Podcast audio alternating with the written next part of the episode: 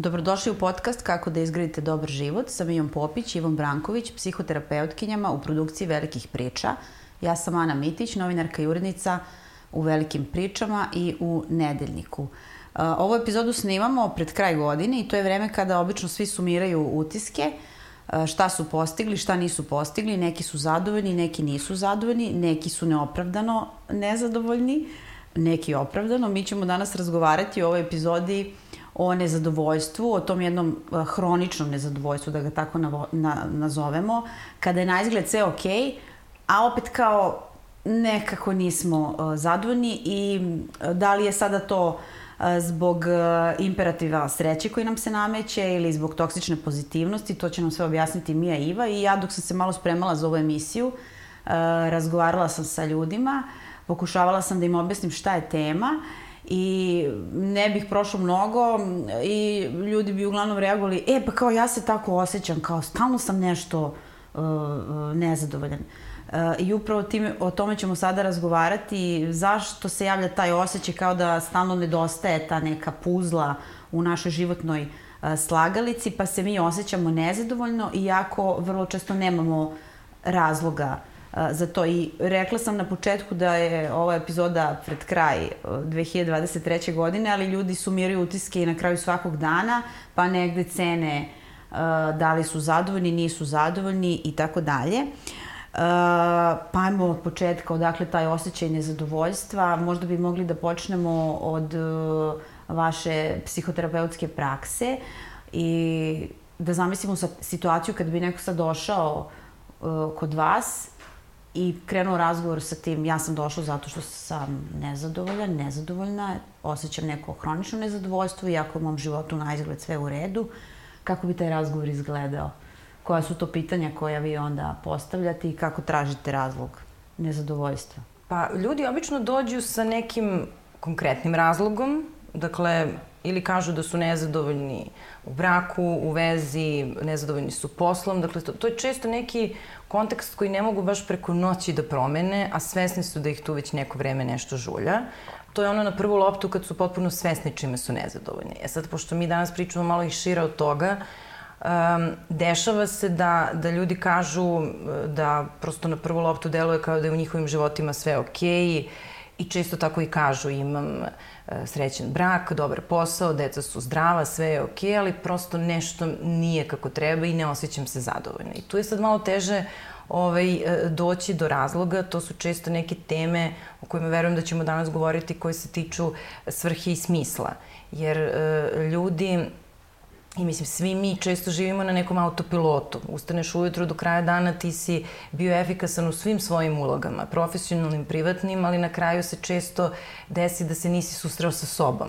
I ja mislim da, da ono što je zapravo e, najčešće tema u psihoterapiji kad pričamo o tom hroničnom nezadovoljstvu je zapravo taj doživljaj da stalno nešto jurimo, da jurimo neke e, zadatke, da jurimo neku agendu, a da nemamo doživljaj da smo sa sobom okej. Okay Tako da ja bih to nezadovoljstvo hronično tako nekako nazvala. I ono čega ćemo se sigurno doteći danas u ovom razgovoru, što je tema s kojom se ja zapravo najviše susrećem, to je perfekcionizam, to su visoki standardi kvalitetnog života koji nam stalno nekako izmiču. I to je ono kad stvarno propustimo da vidimo da život jeste okej, okay, zato što odmah jurimo neki sledeći izazov i prosto ne umemo samo da budemo sa sobom. Tako da, eto, to su razne neke strane nezadovoljstva, ali ovo je ono što mi prvo padne na pamet kad me pitaš sa čim se susretnem u psihoterapiji. I kad ti zagrebeš koji su to razlozi, šta se na kraju ispostavi? Najčešće ako to nisu neki, ako, ako osoba ne zna šta je razlog, da li je upravo to taj neki društveni pritisak da se bude, da se ima, da se postigne, ne znam, sve i svašta? To sasvim sigurno, ali odgovor je zapravo mnogo jednostavniji. Bar u mojoj terapijskoj praksi, to su ljudi koji propuste da vide šta njima treba. Da naprave pauzu, da provere kako su, da provere da li uh, žive život u skladu sa svojim vrednostima. Recimo, ako je neko društven i voli da se druži, a život ga je nekako isprogramirao da samo juri posao i obaveze, onda to nezadovoljstvo zapravo je e, posledica frustracije jedne značajne potrebe i vrednosti koju ta osoba ima.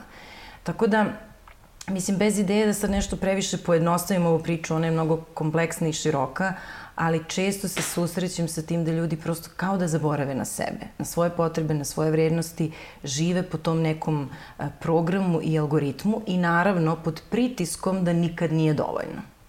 Da, ali samim tim kad ti lociraš taj osjećaj nezadovoljstva, kad negde shvatiš da si nezadovoljan i kreneš da se preispituješ zašto si nezadovoljan, to je možda početak rešenja tog problema. Pa, to je u stvari problem što mi vrlo često ne znamo tačno šta osjećamo. I mm -hmm. zato kad tako ovako pričamo o nezadovoljstvu, mm -hmm. to je isto kao kad ljudi kažu nervozan sam ili nezadovoljan sam, opšte je, može da znači puno stvari. Meni obično kad čujem to nezadovoljan sam, zapitam se šta, to mi deluje kao jedno sporije osjećanje, pa može da bude i premor.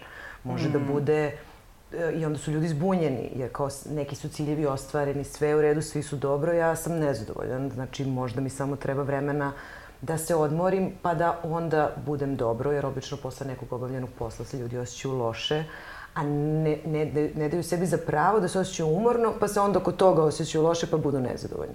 Druga stvar koja se često javlja da ljudi budu napeti, to isto sve u redu, sve u redu, ali ja imam neku napetost koju osjećam i onda je to opet nemogućnost da se opuste, još nisu spremni da puste i da prihvate da se sve što se dogodilo, dogodilo, ili strepe od nečeg što dolazi. Tako da, da, nezadovoljstvo može da znači stvarno različite stvari i zato je važno razumeti kako je tačno ljudi doživljavaju. Da.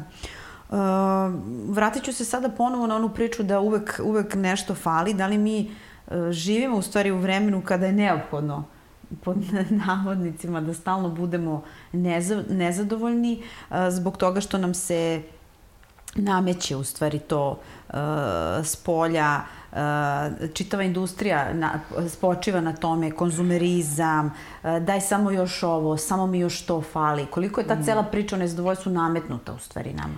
E, ja kad sam gledala pripremu za ovaj naš razgovor, to me pitanje baš onako zaintrigiralo, jer sam shvatila koliko zapravo mi o tome ne razmišljamo. A to je da e, imamo, naravno, tu čitavu jednu mašineriju koja nas programira da kupujemo, da pokušavamo da pronađemo rešenja za određene emotivne probleme na pogrešnom mestu. I zapravo čitava ova priča je ovo što je Iva rekla, ljudi kad su nezadovoljni možda su samo umorni, e, i ovo što si ti rekla vezano za konzumerizam nam zapravo govori koliko mi nismo emocionalno pismeni. Jer i sad sam se upravo, evo, dok, dok razgovaramo, ovaj, setila koliko jedna studija tu može da nam pomogne. Brene Brown je radila to istraživanje gde je pitala ljude da opišu svoje osjećanje na dnevnom nivou i onda je kategorisala sve ono do čega su došli. I ono što je zapravo vrlo tužan podatak je da je došla do dve ključne kategorije. Ljude kada pitaš dnevno kako su, oni kažu ako su dobro, super, divno je da su dobro, ali najčešće kažu da su ljuti ili su pod stresom. Znači, mi nemamo te neke fine nijanse da opišemo svoje emotivno stanje i baš zato što nemamo, često su nam potrebe frustrirane, ne znamo koje je to osjećanje, ne znamo da pročitamo da li smo tužni, ljuti, uznemireni, razočarani, iritirani. Čitav je to spektar emocija koje mi ne znamo kako da čitamo, nego prosto imamo utisak nešto me žulja, pod stresom sam, nezadovoljan sam, kako ću to da rešim, pa idem da kupujem mm -hmm. ili ću da jedem. Mm -hmm.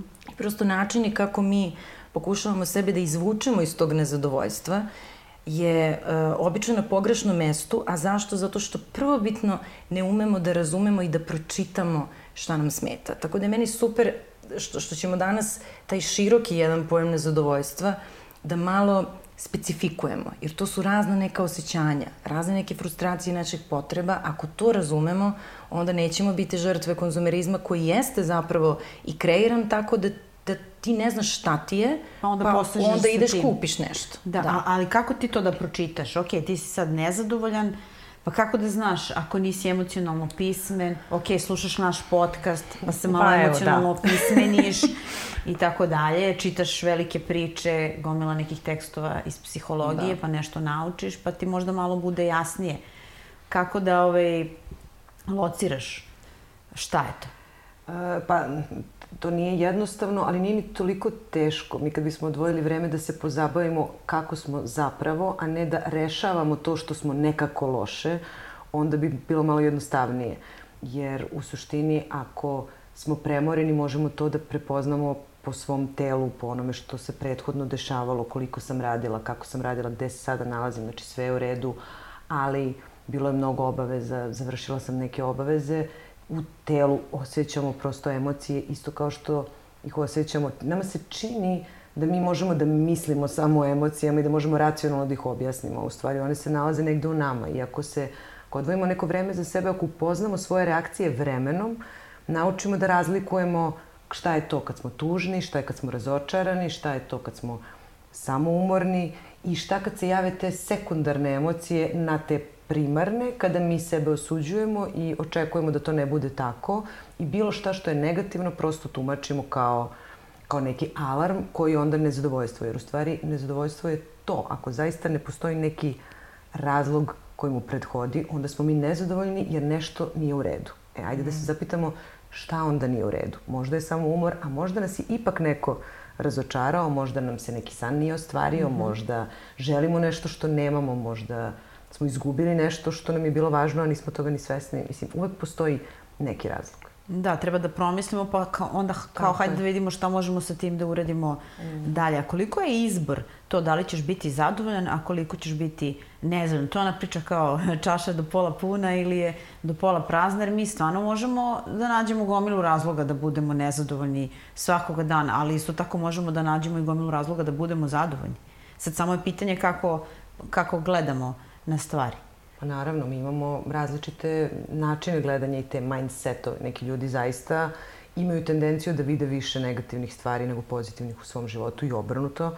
I, ali dobra stvar je što to nije pitanje ni genetike, niti se rađamo s tim. Mm -hmm. Mi mhm. možemo da, mi smo negde to naučili, verovatno smo odrasli u kući u kojoj se tako gleda na stvari, svet je opasno mesto ili svet je divno mesto, sad banalizujem, ali u suštini je to to. Ali je to nešto što može da se nauči i što može da se promeni. Uh, Tako da možemo da malo ispratimo sebe i svoj način razmišljanja i da ako primetimo da, da smo skloni negativnim stvarima, da to menjamo i za to treba malo vremena, ali to zaista puno znači.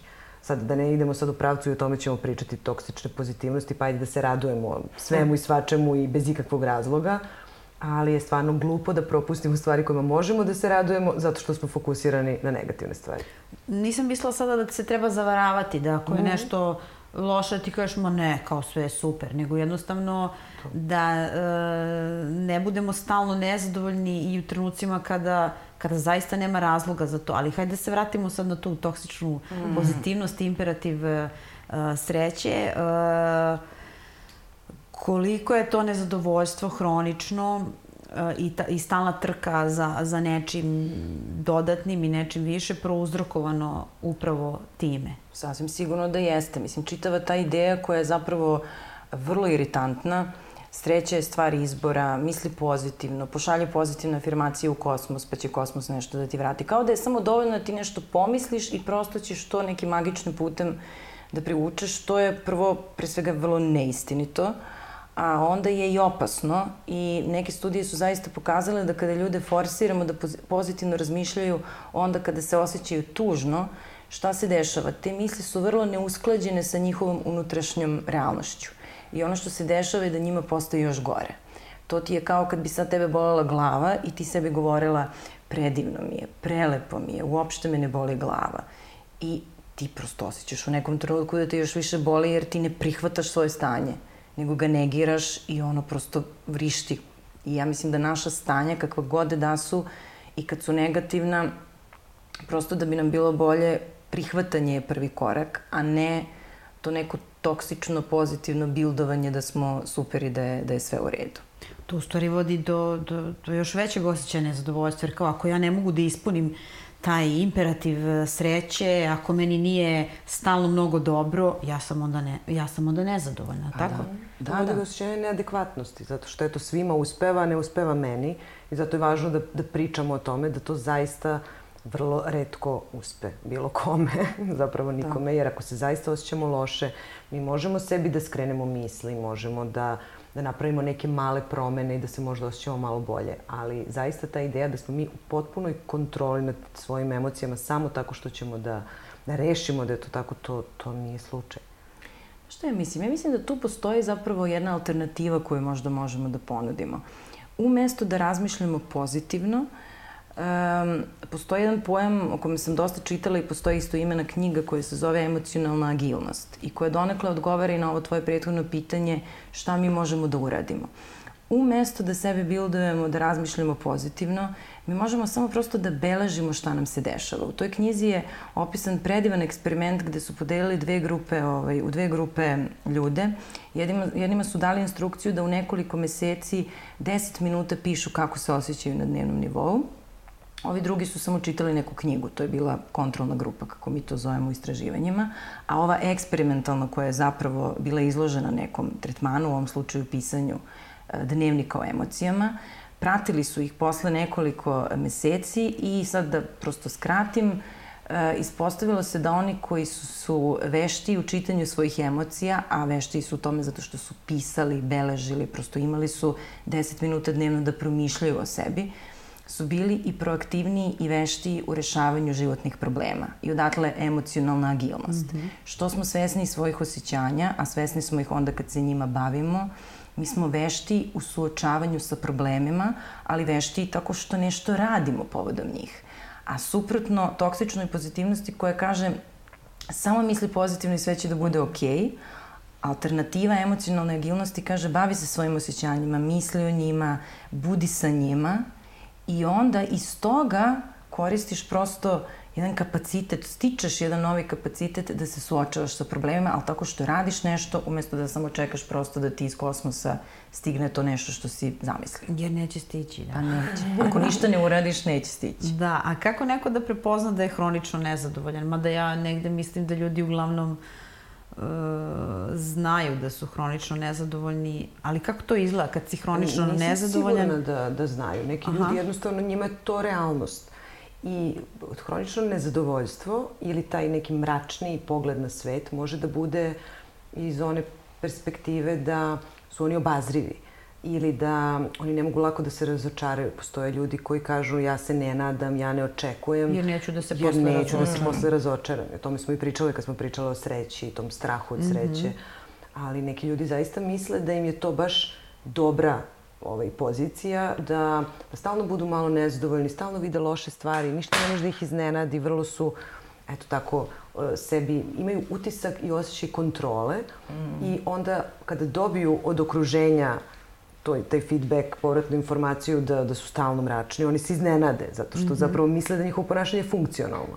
Mm. I onda mogu eventualno to i da menjaju ukoliko to prepoznaju. Tako da, da, mislim da nisu svesni, a a, a mogu da, da postanu ako im se na to skrene pažnja. Da, onda je fair reći nekom pa ti si stalno nezadovoljan. Mm. Da, eto vidiš, mislila sam da ljudi uglavnom negde uh, razumeju da su hronično nezadovoljni pa se jave psihoterapeutu, ali mm. Eto. Ne, neki jednostavno tako žive jer misle da je baš to dobar način dok im se ne skrene pažnja. Zato su nam važni odnosi da nam drugi ljudi kažu šta, šta vide i šta prepoznaju i kako to ume da bude teško, jer to ume da bude opterećujuće za odnos, jer zapravo ljudi koji su hronično nezadovoljni, oni ne uživaju pa u onim stvarima koje su lepe, jer, jer se čuvaju. I drugi opterećuju, verovatno, sa kojima da. su u odnosima. Kada, kada smo spomenuli malo pre društveni pritisak, um, tu je takođe jedan deo bitan uh, ljudi se upoređuju sa drugima i misle da je svima drugima bolje nego uh, njima i to je takođe jedan od razloga nezadovoljstva ili uh, gledaju društvene mreže i vide kako su na društvenim mrežama svi srećni, kako im ide, kako su na putovanjima, kako su tamo ovamo, ostvaruju silne uspehe. Mislim da je to takođe jedan od, od uzroka uh, nezadovoljstva u savremenom svetu. Mm, da. Da, sasvim sigurno, zato što mi smo prosto bombardovani tim porukama da je važno ne samo biti srećen, nego i uspešan, a e, većina nas na društvenim mrežama se sasvim sigurno prikazuje pozitivnije nego što to jeste i onda nemamo realnu sliku. I ja mislim da ono za čim većina ljudi vapi jeste da zapravo vide i tu drugu stranu priče, da vide neke realne, autentične živote u kojima prosto ima i borbe i neuspeha i ranjivosti, ali to nećeš videti na, na društvenim mrežama. Mislim, baš, ja bih rekla, vrlo redko. Pa redko, naravno. A ima još jedna stvar, a to je da uh, zaista uvek postoji razlog da se oko nečeg bude nezadovoljan. Ovo sad ne mm. kažem zbog trenutnog raspoloženja. ne, rekla sam ja malo pre ti svaki dan možeš da nađeš razlog da Ali, budeš zadovoljan. Pa naravno, da. to jeste stvarno, mislim, mi uporno pokušavamo da nađemo način da funkcionišemo, da budemo srećni i zadovoljni stalno A u da. stvari, ako pogledaš svoj život svaki dan, imaš razloga da budeš zadovoljan i imaš razloga da budeš nezadovoljan. Tako da mislim da je to okej okay, da prosto prihvatimo to nezadovoljstvo koje mora da se javi zajedno sa svim pozitivnim emocijama, samo da se nadamo da tih pozitivnih možda ima više u dobrim danima. Mm. Jel, ali da prosto je ok i da budemo nezadovoljni, ali da to ne bude preovlađujuće i čini mi se kad bismo prihvatili da postoji i nezadovoljstvo u celoj priči, ono bi kao i sve druge emocije lakše i brže prošlo. Ali ako to preispitujemo kao pa sve mi je dobro, a ipak sam nezadovoljan, onda ga hvatamo, onda mm -hmm. ono postaje šveće, yes. šveće mm -hmm. i tako raste. A mislim da ovo što si rekla je zapravo suština priče i da možda mi danas treba da, da pošaljemo i tu poruku da je okej okay biti nezadovoljan, malo pravde za nezadovoljstvo. Jer evo, bukvalno sad dok pričaš, ja, ja pratim sebi i tačno se sećam tog trenutka kada sam predala svoj ukoričen doktorat i sebi rekla, e, od sutra ću ja stalno da budem srećna i, i zadovoljna. A onda me sutra sačekao život koji je isti. realan da. i isti i ima puno nekih vrlo nezadovoljavajućih trenutaka u toku dana. I onda ti napraviš sebi nezadovoljstvo povodom nezadovoljstva. Da. Zašto ja sad nisam zadovoljna kad je sve kako treba? I to je zapravo onaj odgovor s početka. Šta sa ljudima koji kažu, evo, sve je na svom mestu, ja sam nezadovoljna? Pa zato što je život često nezadovoljavajući. Ne može da bude stalno fino. Šta god da si ti postigao ili šta god da ti se lepo desilo, posle toga se život nastavlja i to je tako. Da, ne može stalno da bude ono, na vrhuncu. A mi to često očekujemo. Da, znači mi treba da prihvatimo da su neki dani ovakvi, da su da neki dani onakvi, da... Pa i u stvari da u svim danima ima svega. Tako I da može da ima i velike sreće, ali da svejedno ostaju, nama ostaju i naše tuge koje nosimo iz prošlosti, ostaju nam imamo umor koji nosimo, imamo razna razočarenja. To su sve, sva naša iskustva su sa nama kao i sva naša pozitivna iskustva. Kad će se ona aktivirati? Kad će nas nešto podsjetiti? Mislim, to je, to je taj sad imperativ em te toksične pozitivnosti, em tog, te kontrole nad sobom. Kao ja mm. sad, ako, sam, ako radim na sebi, ako sam svesna sebe, ja onda moram da budem prosto svesna i, i da lepo budem organizovana oko svog života i da emotivno reagujem adekvatno na svaku situaciju. Mislim, prosto previsok je to zahtev. Razne stvari, o raznim stvarima mislimo, razne stvari se dešavaju, razne emocije prolaze kroz nas. Mislim da tu možemo malo prema sebi da budemo nežni i da dozvolimo sebi razna stanja, jer ona nisu tu slučajno. Sva naše iskustva su uvek sa nama. Tako je, umesto good vibes only. All vibes, always. Tako je, all vibes always, to je super. A, a šta je sa osjećajem svrhe i smisla? E, to je takođe povezano sa tim osjećajem nezadovoljstva. Jedno od pitanja e, se, se tiče, koje su nam postavili e, na Instagramu kada sam objavila da je ovo tema epizode ove, kao šta je kad se izgubi taj osjećaj smisla i svrhe i zbog toga se stvara uh, uh, osjećaj nezadovoljstva. Zbog čega se to dešava i kako se ponovo pronalazi taj smisao i, i, i svrha kad, kad se javi to nezadovoljstvo? A tad je mnogo važno da budemo nezadovoljni. I zapravo je to mhm. nezadovoljstvo način... Super odgovor. Da, pa Dobro jeste. ako ste izgubili smisao pa, i svrhu. Mislim, onda je stvarno važno da se osjećate nezadovoljni. Jer nezadovoljstvo ili bilo koja druga e, emocija je zapravo način da mi dođemo do toga koja nam je potreba frustrirana, koja vrijednost nam je frustrirana. Jer kad pričamo o svrsi i smislu, ljudi koji se osjećaju da im, da su, da im je taj doživljaj svrhe i smisla poljuljan, kada malo dublje uđemo u njihovu priču, dođemo do onog što sam malo pre i rekla, a to je da su neke njihove vrednosti narušene, da u tom trenutku se možda ne osjećaju povezano sa bliskim ljudima, da nemaju osjećaj postignuća ako im je postignuće važno, da nemaju um, priliku da, da budu sa sobom u prirodi, uh, sa ne znam, dragim ljudima, prosto nešto, nešto tu nije kako treba, a nezadovoljstvo je jedini način da dođu do toga. Znači, kad ne bi bilo te neke negativne emocije, oni se ne bi zapitali. Znači, nama nešto, naše nezadovoljstvo govori o nama, tako? Apsolutno. Šta nam govori to naše Uvek. nezadovoljstvo? Da nešto treba da... E, pa da treba da se zapitamo i da vidimo šta se dešava sa, sa našim ciljevima, sa vrednostima. Um, nezadovoljstvo može da se javi onda kada smo, i to je to nezadovoljstvo kad smo ostvarili puno stvari, različitih stvari. I onda je, delo je kao da bi trebalo da budemo zadovoljni, ali u stvari ako smo ostvarili već neke ciljeve, prirodno je da se desi nezadovoljstvo, jer nam je potreban neki novi narativ, potrebno nam je nova, novo usmerenje, potrebno je nešto novo, a da bi se to nešto novo osmislilo, neophodno je nezadovoljstvo, jer nam je ono signal. Mm. Da ne mhm. bismo ponavljali jedno te isto. I, I zato je ono tu važno, jer nam omogućava da, da osmislimo na koji način ćemo da promijenimo to stanje. On nas u stvari alarmira, mora nešto drugačije. Svrha i smisao se redefinišu tokom celog života ne, ne postoji jedna, ne postoji unapred definisana. Znači, ok, kad u nekom momentu izgubiš smisao, pa, osjećaš se nezadovoljno i onda ponovo tražiš. Tako je. Naravno, zato što u različitim fazama u životu različite stvari su svrha i, i onda i kada se ostvare neke svrhe, onda postoji, zato postoji čuvena kriza srednjih godina, jer tu se već očekuje da do nekih godina su neke društveno prihvatljive, opšte prihvaćene svrhe ostvarene. I onda se ljudi zapitaju, dobro i šta sad? E, pa sad neka škola, smejem. neki posao, neka Hoćeš da deca, da o tome. sve to, sve to tu i šta smejem sad? Smejem se, zato što sam tela da pitam e, upravo za krizu srednjih godina, jer je sigurno i to uzrok pa ogromnog da, nezadovoljstva kod ljudi koji su u krizi srednjih godina. Tako je, pa kriza srednjih godina je Zato to otelotvorenje nezadovoljstva, samo što pošto ljudi to ne znaju kako da definišu, mm -hmm. jer ako imaju sve, onda im treba još nešto, pa onda to nešto bude, ne znam, auto, Kao šta ti nešto, sad više hoćeš? Materijalno, tu se vraćamo mm -hmm. na to gde se lako u stvari um, odgovori na tu potrebu u smislu popunjavanja neke rupe, eto sad ću nešto materijalno novo da obezbedim, a u stvari... A to nije to. Treba.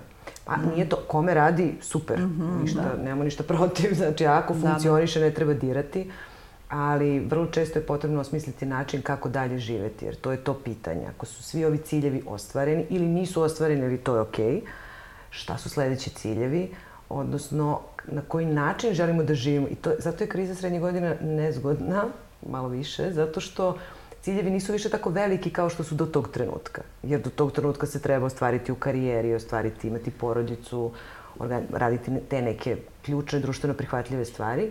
E onda od tog trenutka treba sebi napraviti neki način da budemo zapravo zadovoljni svojim životom, što je tek mm. pitanje za Treba da više dolara. ciljevi budu... Onda već postaje individualno i to je ono što je mm. izazovno, zato što nema više toliko društvenih očekivanja da Nema tako jasno definisanih merila. velikih. Mm -hmm. kako se mm -hmm. sad lepo stari. Šta sad u sledećoj fazi? Kao kak, čemu, čemu težimo? I onda moramo pogledamo ponovo u svoj život i to je prilično neprijatno, mm -hmm. teško, ali ako se usudimo, onda je zaista jedan moćan proces.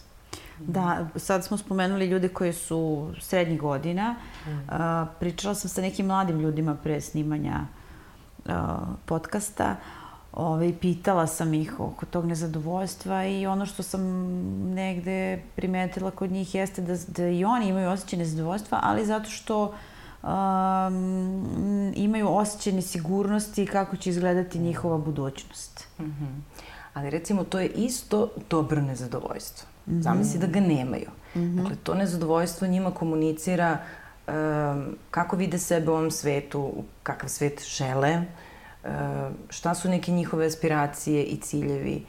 Um, I nekako mi deluje da iz te mladalačke pozicije, koliko god to bilo stvarno i bolno i vrlo onako uh, ume da bude i zastrašujuće, je zapravo pozitivno jer je podsticajno, jer navodi na jedno kritičko sagledavanje i preispitivanje sveta. E sad, gde je ta tačka gde to može da postane preplavljujuće pa da ih ono parališe, to je sad druga tema, ali um, ja mislim, ko, evo, ako se setimo samo sebe u, u, u tim godinama, nije baš da smo preštali od sreće. Bilo je nekog nezadovoljstva tu. Da, ova devojka s kojom sam razgovarala je rekla i osjeća se deprimirano kada razmišljamo o svojoj budućnosti kao nemam osjećaj sigurnosti, ne znam kako će izgledati. Dobro, to je i društveni kontekst. Da, kod sad, nas naročito. Stvari, da. da. Jedna stvar je društveni kontekst, druga stvar je da nama stvarno neizvesnost pravi veliki osjećaj nezadovoljstva mm -hmm. i straha. Sad se tu te dve stvari mešaju zato što je to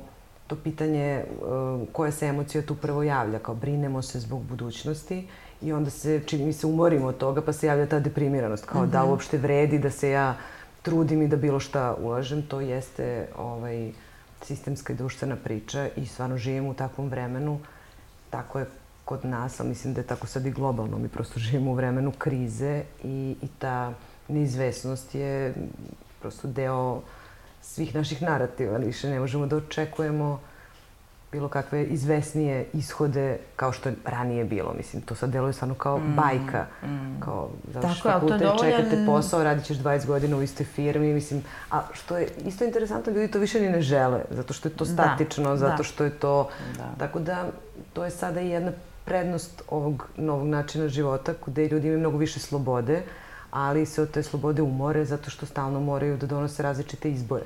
I zaista od njihovih izbora mnogo toga zavisi i od okolnosti, ali je to drugačiji način funkcionisanja nego što su funkcionisali naši roditelji. Da, pošto si spomenula taj društveni kontekst, mislim kada se sve to sagleda u kakvom svetu danas živimo, to je sasvim dovoljno razlog da se bude nezadovoljan. Mislim, šta ćemo sa tim i da li možemo mi da se ušuškamo u taj neki naš kružok, da budemo u nekom našem bablu i da kažemo da nas sve to ne zanima, da mi želimo da budemo zadovoljni, a ako posmatramo svet kakav je danas ili našu zemlju kakva je danas, nama to izaziva onako priličan osjećaj nezadovoljstva. Čak i ako je nama negde ok, vidimo da mnogim ljudima mm. nije ok. Kako mi možemo da budemo zadovoljni? Ovo je sad možda filozofsko pitanje, ali. A ja mislim da je realistično i mislim da je tu stvarno treba biti realan koliko je to moguće i zato i kažem, zaista je, stalno je prisutan razlog da budemo nezadovoljni. Makar ako pogledamo mm -hmm širi kontekst. To sad ne znači, zato treba naći sobstveni neki balans kako da te dve stvari prihvatimo prosto, jer mislim da je ključna stvar prihvatanje. Možemo da imamo momente sreće i ne treba da imamo grižu savesti kad imamo momente sreće zato što neki ljudi žive vrlo loše. To je isto sad druga strana mm -hmm. te mhm. priče, kao da li imam pravo da budem srećna mm -hmm. ako se dešava ovo što se dešava po svetu i ratovi, ljudi, mislim, jezive se stvari dešavaju. Ali da, mi imamo svoje male živote, uh, koje živimo tako što imamo momente sreće, imamo momente tuge, imamo nezadovoljstvo zbog neke globalne situacije koje tu tinja i tako je, imamo zabrinuto za svoju budućnost, imamo svoje tuge iz prošlosti i svoje lepe događaje iz prošlosti. U kombinaciji svega toga je važno da nađemo neku meru, ali to je važno da osvestimo, da su svi ti faktori tu i da će onda od dana do dana da zavisi kako smo. Kad se mhm. dese neke lepše stvari, onda smo dobro, kad ima više negativnih, onda smo nezadovoljni. I ja mislim da je to realnost života i da je to ljudima teško da prihvate, da ne mogu da definišu kako će to izgledati i da utiču u potpunosti na to i da onako odvoje periode. E sad je loš period, sad je dobar period. Mislim da jednostavno mm. uvek je sve tu, sad manje ili više.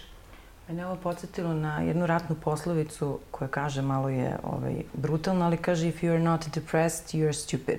Mm -hmm. U smislu, u onom trenutku kada krećeš kritički da sagledavaš svet i društveni kontekst, kada izađeš iz tog babla, a dobro je da izađeš, cena koju plaćaš za to svoje kritičko sagledavanje i realistično sagledavanje sveta su zapravo neka teška i neprijatna osjećanja. Ali onda kad pogledaš, to je zapravo cena koju vrijedi platiti, jer mm -hmm. je mhm. bitno da vidimo šta se sve dešava. Tako da, evo, ja mogu stvarno to onako iskustveno da potvrdim, probala sam da živim u bablu, to stvarno nije, nije srećno rešenje. Postaneš prosto zatvoren mm -hmm. i mhm. onda postaneš slev za sve ono što je ljudsko iskustvo i za ljudsku ranjivost koja je mnogo važna da je razumeš i zbog sebe. Tako da, da. Da, da. A šta je sa ljudima koji nikad nisu zadovoljni? Ima i takvih ljudi koji su postigli stvarno mnogo, mnogo i nikad nisu zadovoljni. I uvek traže još, i uvek traže više. Sad, to nije hronično nezadovoljstvo. Mm -hmm. To je meni nego, bliska vrlo tema. A, da. Po, pokušavam, možda biste mogli da objasnite razlike između tih različitih vrstava a, nezadovoljstva. Kad je kao sve okej, okay, a ti osjećaš da ti nešto fali. Kad je sve okej, okay, a ti si stalno nezadovoljan. Ali ovo je priča o nezdravom perfekcionizmu mm -hmm. i o tome da e, imamo previsoke standarde i meni je ova priča najbliža u kontekstu postignuća to je ono sa čim se često srećem i u psihoterapiji, u coachingu. I generalno deluje mi da, da zapravo moja cina grupa, ljudi s kojima najviše radim su upravo ti, a to je da stalno uvek mora nešto bolje. Bilo da je postignuće, bilo da je životni kontekst, da je to kako smo sve podesili da nam u životu funkcioniše i radi i da čim osvojimo taj neki novi projekat, izazov, cilj, javlja se osjećaj praznine, ne znamo da budemo sa tim, ne znamo da sebe pohvalimo, da zastanemo, da nekako budemo prosto zadovoljni i možda čak i ponosni, nego odmah smišljavamo nešto sledeće. I to je zapravo često jedna uh, filozofija lične neadekvatnosti, gde ti zapravo juriš stalno neka postignuća i neke izazove, jer u tome vidiš svoju ličnu vrednost. A šta ti u stvari juriš? Pa, e, meriš se po nekim spoljnim parametrima, jer nezdravi perfekcionizam zapravo u osnovi njega je jedna filozofija uslovnog prihvatanja sebe. Ja vredim onoliko koliko sam e, stekao, postigao, koliko sam se drugima dopao, koliko sam zaradio, sad razni su tu kriterijumi, ali onda pošto je to tako nekako uslovno postavljeno, ti stalno moraš da podižeš tu lestvicu, ne bi li sebi dokazao da vrijediš. To je zapravo jedna psihološka trka samopotvrđivanja. Mm -hmm. I zato, zato je to zapravo jedan put u hronično nezadovoljstvo, jer kad imaš tako visoke standarde, pitanje je trenutka kad ćeš ti nešto zato što se trudiš, pa to je kao dobra strana nezdravog perfekcionizma, ti ćeš da dobaciš do svog cilja, ali vrlo brzo postavljaš novi. Da, stalno ti iznova, iznova da. tražiš te neke izazove. A ko, ka, kolika je veza između niskog samopoštovanja i, i nezadovoljstva? Pa to, to je zapravo i suština. E, u racionalno-emotivno-behavioralnoj terapiji postoji jedna velika knjiga koju je napisao osnivač Albert Ellis, osnivač tog terapijskog pravca, koja se zove Mit o samopoštovanju. I ono što on tu radi, on vrlo kritički sagledava pojam samopoštovanja, to je sad vrlo neobično za, za o čemu mi pričamo, možda će ljudi malo zbuniti, ali samopoštovanje po njemu je zapravo ta priča ja vredim kada nešto dobro radim. A on nudi alternative i on kaže ajde da umesto samopoštovanja pričamo o samoprihvatanju. Ja biram sebe da prihvatam i kad mi nešto ne ide. Tako da je on praktično vrlo kritički sagledao pojam samopoštovanja i rekao da čak i psihologija tu je učestvovala na jedan negativan način, mm -hmm. nije baš pomogla ljudima, jer samopoštovanje je to, vredim koliko dobro radim. A samo prihvatanje je uvek vrediš, zato što si živ, vrediš, a kako god radio ili ne radio, ti si i dalje okej. Okay. Da, ovo je super. znači, samopoštovanje je u vezi sa recimo depresijom, jer kao ako ga nemaš depresivan si, ali ako ga imaš moraš da nastavljaš da ga imaš.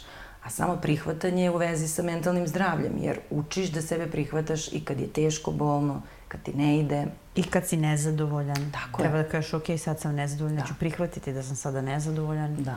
I to je... Mislim što je lakše nama ovako da kažemo, to je -hmm. praksa. E, da, I samo prihvatanje je zapravo preuzeto iz, iz nekih istočničkih ovaj, pogleda gde ljudi uče da prosto samo budu, da ne moraju da jure nigde. Mm -hmm.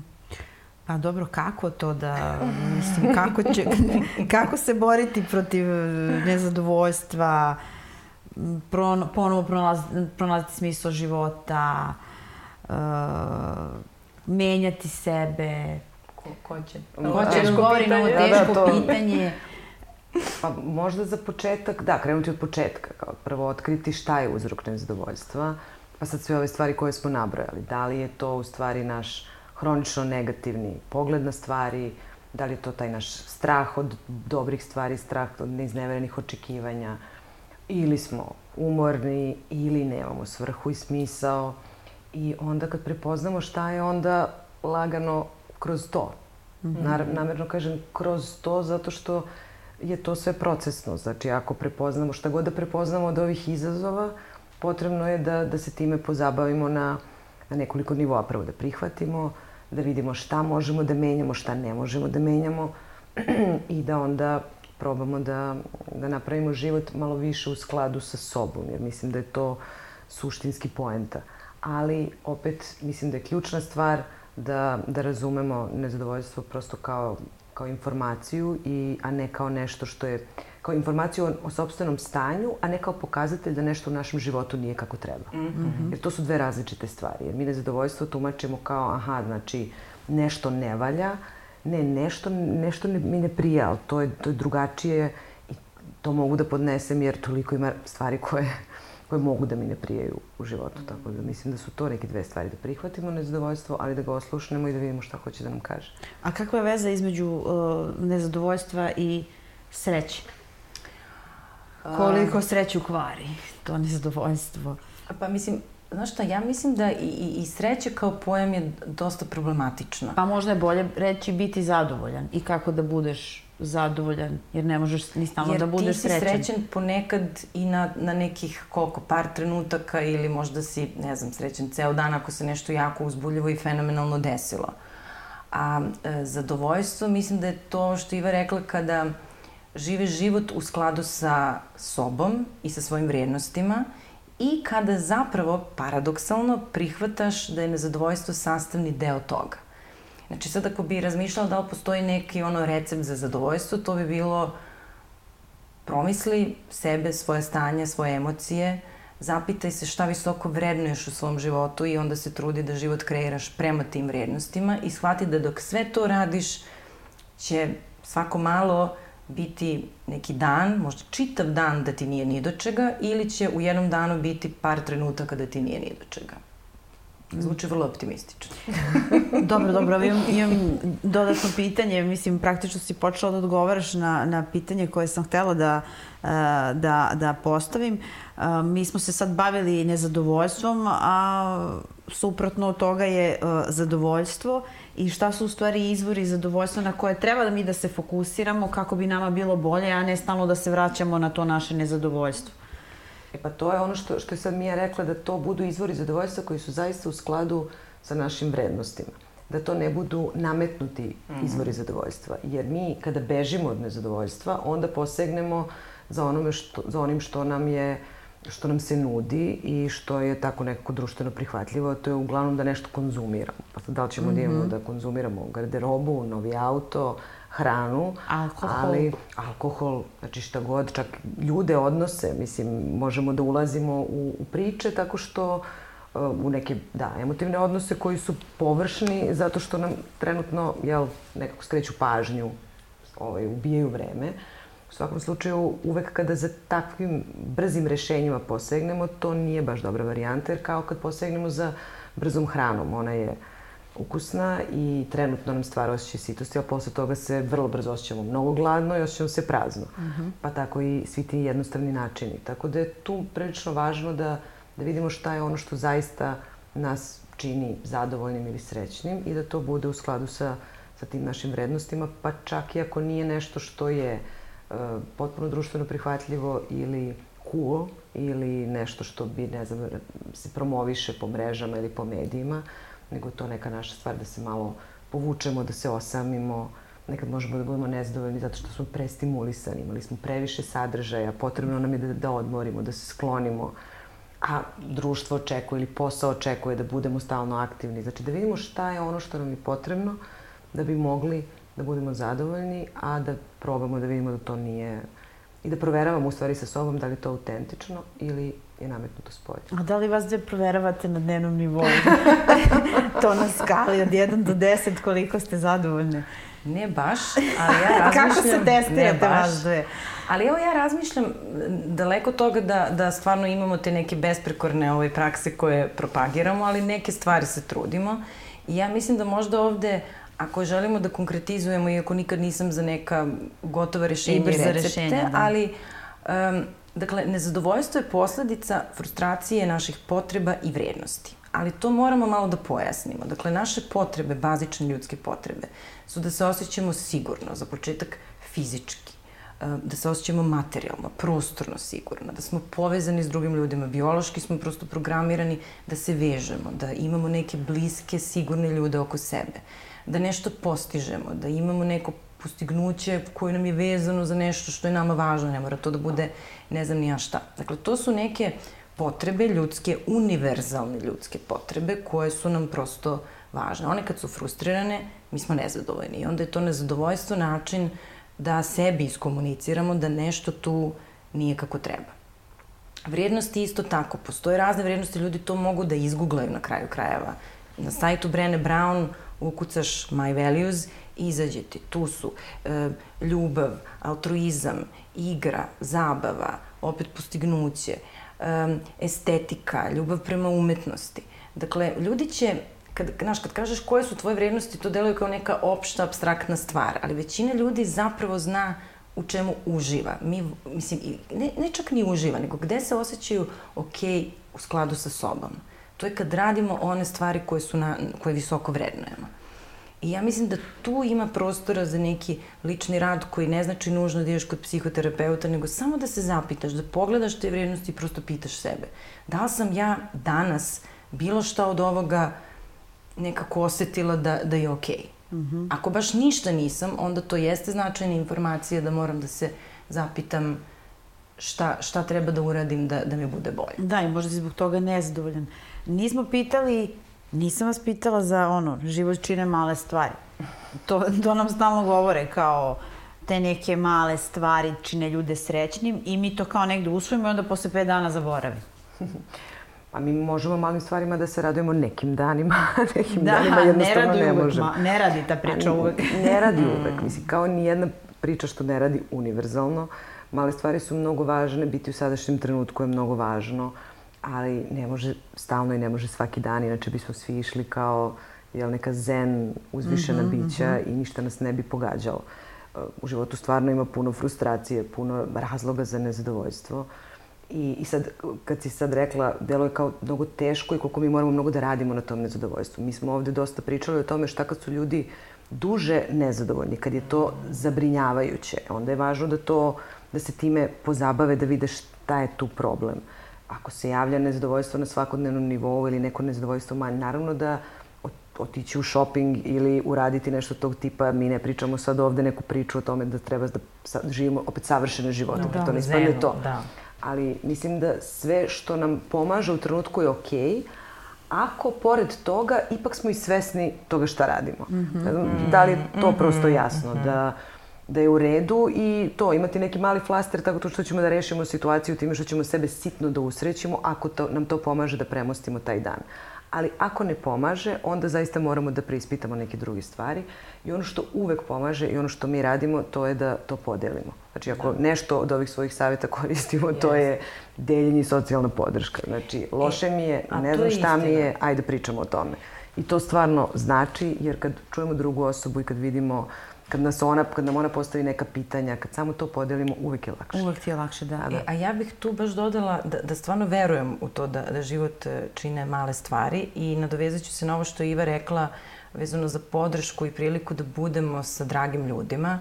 Um, meni je recimo juče stvarno dan spasila odluka da umesto da idem u banku i da završavam neki posao koji sam mogla da odgodim, popijem kafu sa Ivom preko telefona a što su jednostavne mhm. stvari. Mm -hmm. Ali u jednom užarbanom danu ponekad je okej okay i odložiti nešto što možda nije najhitnija stvar, a znaš da je treba da uradiš da bi uradio ono što tebi u tom trenutku treba. Ali moramo da ispratimo šta je to i gotovo nikad neće biti pogrešno da to bude vreme, makar i pola sata sa nekim ko ti je drag, ko te razume i zapravo ta razmena ume stvarno da nas za, za eto, pola sata učini zadovoljnijim. Pa sad se opet vraćamo na našu prvu epizodu. Šta da. je ključ dobrog života? Pošto se mi bavimo time kako da vam bude dobro u životu, to su te veze i odnosi sa, Upravo. sa ljudima i da one budu što kvalitetniji. Da. Tako je. Dobro, da li ste zadovoljni kako je prošao ovaj podcast? e pa da, znaš šta, tema je stvarno široka i može da se priđe iz različitih uglova, ali mislim da ono što jesmo uspela da, da iskomuniciramo, to je da su sva neprijatna osjećanja putokaz ka onome što je zapravo bolje razumevanje sebe. I da je okej, okay, ako je to nezadovoljstvo, treba to oslušnuti. Da. I u skladu s tim ja sam i zadovoljna i nezadovoljna. Dobro. Šta ja da kažem? Imaš okay. pravo. Šta god da osjećaš. Da. Pa zadovoljna. Pa eto. I ja sam uglavnom zadovoljna. Da. Hvala vam puno.